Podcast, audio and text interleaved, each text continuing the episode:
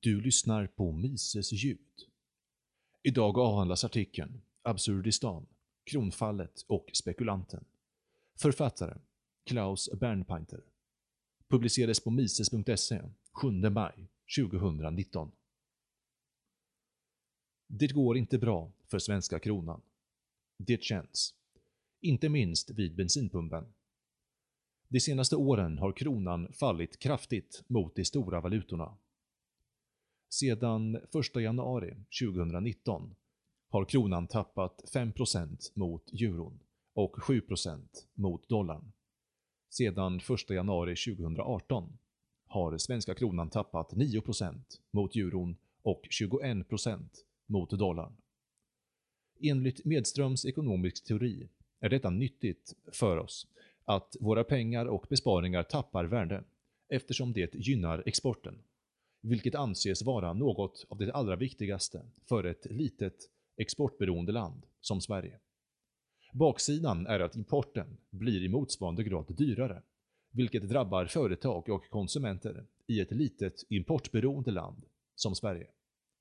Även våra exportföretag drabbas av dyrare import eftersom de importerar många insatsvaror som olja och metaller. Så vad avgör en valutas värde relativt andra valutor? Svar. Utbud och efterfrågan. En valutas utbud styrs av penningpolitik, det vill säga hur mycket kronor det finns i omlopp. När Riksbanken styr räntan gör den det i 99 fall av 100 nedåt. Enligt centralbankernas värdegrund är räntan nämligen i 99 fall av 100 för hög. Ekonomin går för långsamt för deras smak. Spararna och lånarna på lånemarknaden skulle med sitt utbud och sin efterfrågan på besparingar landa på fel ränta om de lämnades i fred. Alltså träder centralbanken in och rättar till felet. Räntan sänks genom att centralbanken uppmuntrar banksystemet att ge ut flera kronor. Flera kronor innebär ett högre utbud av kronor och de existerande kronorna faller i värde mot andra valutor.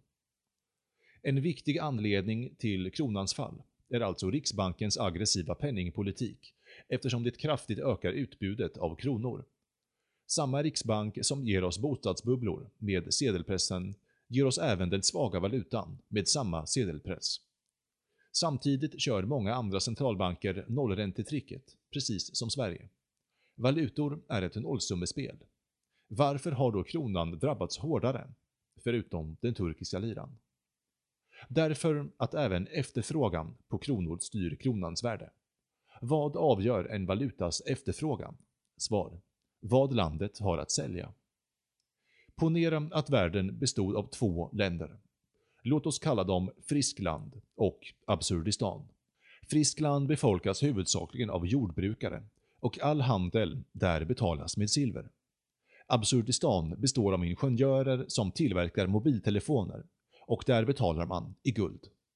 Friskländarna exporterar mat till absurdistanerna och importerar mobiler från dem. Och tvärtom för absurdistanerna. På grund av att länderna använder olika pengar måste en friskländare som vill köpa en ny telefon först gå till en penningväxlare och växla silver mot guld eftersom absurdistanerna vill ha betalt i guld. När absurdistanerna vill köpa mat tar de med sitt guld till penningväxlarna och byter mot silver eftersom friskländarna vill ha betalt i silver. Penningväxlarna har förråd av guld och silver som de använder för att kunna växla. Dessa förråd kallar vi valutareserver. De båda folken har goda relationer och har en lång historia av att handla med varandra till ömsesidig nytta. Ett slags ekonomisk jämvikt har uppstått med åren. Priserna ligger ganska stilla. Växelkursen mellan guld och silver har landat på 20 gram silver för 1 gram guld. Det vill säga, guldpriset är 20 silver. Konkurrensen mellan penningväxlarna är sund och hård och jobbet som penningväxlare är inte mer glamoröst eller lönsamt än att vara jordbrukare eller ingenjör. En dag släpper telekomjätten i Absurdistan en ny mobiltelefonmodell. Det är den allra första med en doftskärm. Den kostar 3 gram guld. Friskländarna blir som galna. Alla vill ha en. Så fort de har råd går de till penningväxlarna med 60 gram silver för att få ut det erforderliga 3 gram guld till att köpa mobilen. Penningväxlarna ser sina silverförråd växa samtidigt som guldförråden minskar. Eftersom absurdistanerna inte behöver mer mat än tidigare är inflödet av guld från Absurdistan till penningväxlarna oförändrat, medan utflödet av guld till friskländarna har ökat. För att inte få slut på guld höjer växlarna växelkursen, guldpriset, dag för dag. Mobilen blir allt dyrare för friskländarna och färre vill köpa. När växelkursen gått från 20 till 25 har inflödet av silver och utflödet av guld avtagit så pass att metallflödena är i balans och penningförråden stabila igen. För friskländarna har priset för mobilen stigit från 60 till 25 gånger 3, det vill säga 75 gram silver. Absurdistanerna har skapat en efterfrågad produkt. De har belönats med välförtjänt profit. Deras valutakurs har stärkts. Den Absurdistan som förut köpte mat för 100 gram silver pungade ut med 5 gram guld. Nu behöver han bara lägga ut 4 gram för samma mängd. Maten har blivit 25% billigare för absurdistanerna tack vare deras framgång.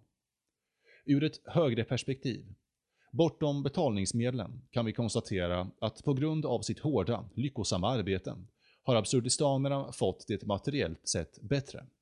Friskländarna kan fortfarande producera mat lokalt med samma arbetsinsats som tidigare, men vill de ha en mobiltelefon från Absurdistan får de betala mer än tidigare.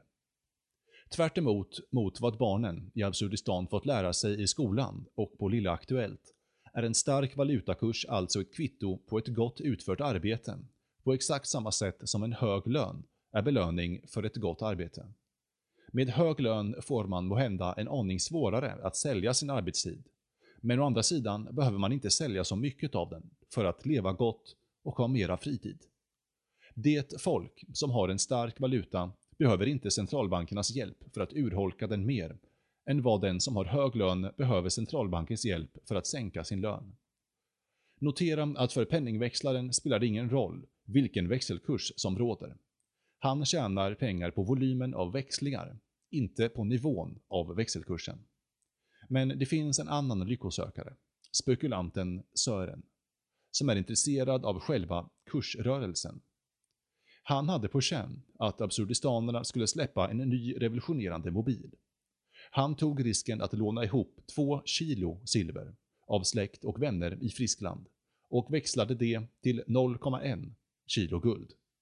När växelkursen, guldpriset, stigit till 25 sålde han sitt guld, fick 2,5 kilo silver, betalade tillbaka de lånade två kilona silver han lånat och behöll en profit på ett halvt kilo silver.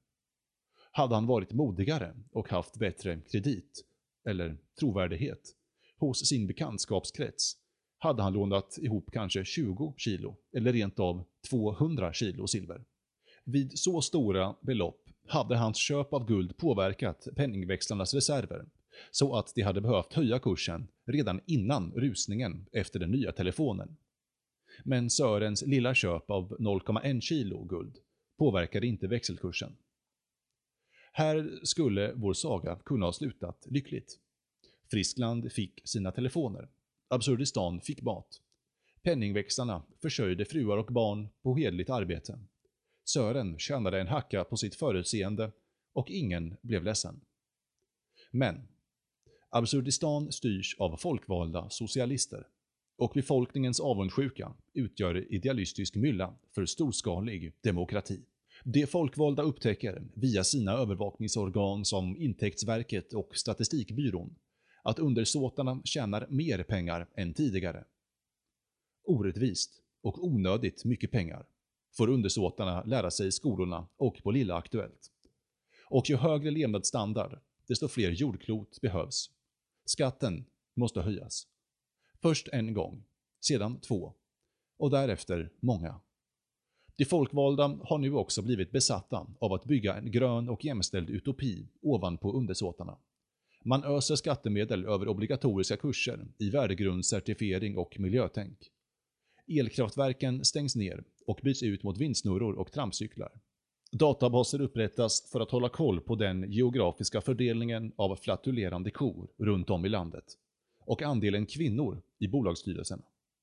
Komplicerade regelverk med tillhörande byråkratier inrättas för att rätta till antalet kor på landsbygden och kvinnor i bolagsstyrelserna. Ingen idé är för verklighetsfrämmande och ingen pålaga för självdestruktiv när världen ska räddas. Vår vän Sören får en ny idé.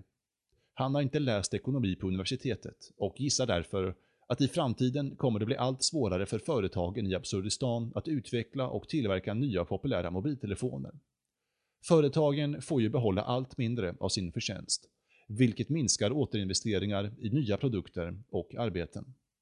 Det blir svårare att bygga nya fabriker eftersom fabriker är elaka och måste avkrävas hundratals tillstånd, licenser, policies och straffavgifter för att få skapa välstånd. De driftigaste absurdistanerna har tröttnat på avundsjukan och byråkratin och väljer att flytta till Friskland för att bli jordbrukare. Sören inser att på samma sätt som han kunde tjäna en liten hacka på Absurdistans och dess valutas uppgång finns det pengar att tjäna på att de folkvalda håller på att köra land och valuta i botten. Han tänker spekulera på att växelkursen, guldpriset, sannolikt går ner i framtiden. Sedan förra gången har han blivit modigare och skaffat sig mycket större kredit. Han lånar nu 1000 ton guld i Absurdistan och köper silver för pengarna. Hans köp är så stort att växlarna snart måste höja priset på silver en aning. Det vill säga sänka guldpriset, växelkursen, för att inte tömma sina silverlager. Eftersom Sörens stora silverköp på silvret gör det dyrare, köper han det lite i taget under ett par års tid. Han vill visserligen köpa silver tillräckligt fort för att hinna dra nytta av den väntade nedgången, men inte så fort att han driver upp silverpriset onödigt högt för sig själv. Under de år han köper silver trycker han ändå ner växelkursen från 25 till 23. Maten och bränslet som importeras till Absurdistan blir i motsvarande grad dyrare. Till slut har Sören lyckats köpa till sig hela 23 980 ton silver till den genomsnittliga växelkursen 23,98. Nu anländer verkligheten till Absurdistan. Försäljningen av mobiltelefoner minskar precis som han väntat sig, eftersom företagen har fått svårt att driva sin verksamhet med vinst. Det minskar i sin tur efterfrågan på guld och därmed minskar inflödet av friskländskt silver till växlarna för att köpa mobiler. Växlarna tvingas sänka kursen steg för steg, ända ner till 19, för att inte tömma sina silverlager under det nya metallflödet. Då tycker Sören att det är läge att köpa tillbaka guld. Det tvingar växlarna att höja guldpriset, växelkursen, en aning för att klara av Sörens stora köp. Han väljer som tidigare att agera under ett par års tid för att inte göra guldet för dyrt för sig själv. Till slut får han ihop 1100 ton guld till en genomsnittlig kurs på 21,8. När han är klar försvinner hans flöde från växlarna och kursen faller återigen ner till 19. När dammet har lagt sig har Sören gjort en nettvinst på 100 ton guld, minus räntor för guldlånet. Vad gäller Sörens person är det möjligt att han är en dålig människa, men han kan lika gärna vara en god människa. Även goda människor försöker köpa billigt och sälja dyrt. Oavsett vilket är det inte Sören som har förstört Absurdistans ekonomi genom sin spekulation. Det enda han har gjort är att tjäna sig en hacka på insikten att landets folkvalda höll på att förstöra landet. Det förhindrar dock inte de folkvalda att via skolorna och Lilla Aktuellt förklara för undersåtarna att Sören har spekulerat sönder landets valuta och därigenom förstört Absurdistan, en gång så framgångsrika mobiltelefonindustri. Det tjänar absolut inte deras syften att förklara det goda som tillkommit av Sörens spekulation. Men tänk. För det första så drev han ner landets växelkurs medan han sålde av landets valuta innan verkligheten flyttade in. Det gav det måttligt begåvade folkvalda en tydlig signal och gott om tid att tänka till, vända om och sluta fördärva landet.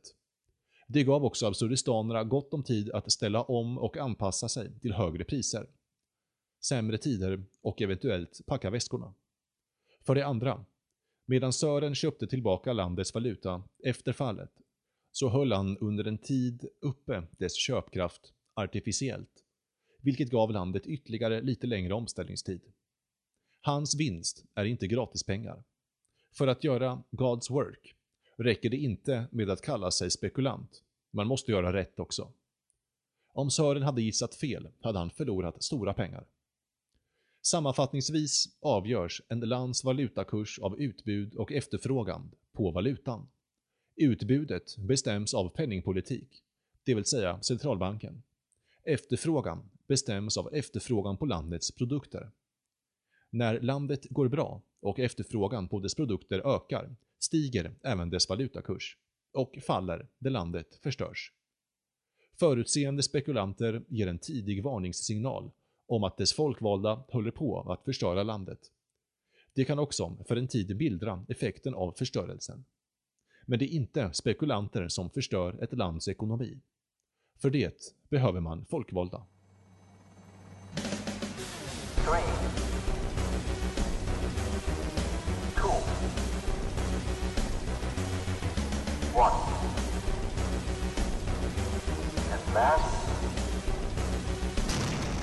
Don't put your trust in politics.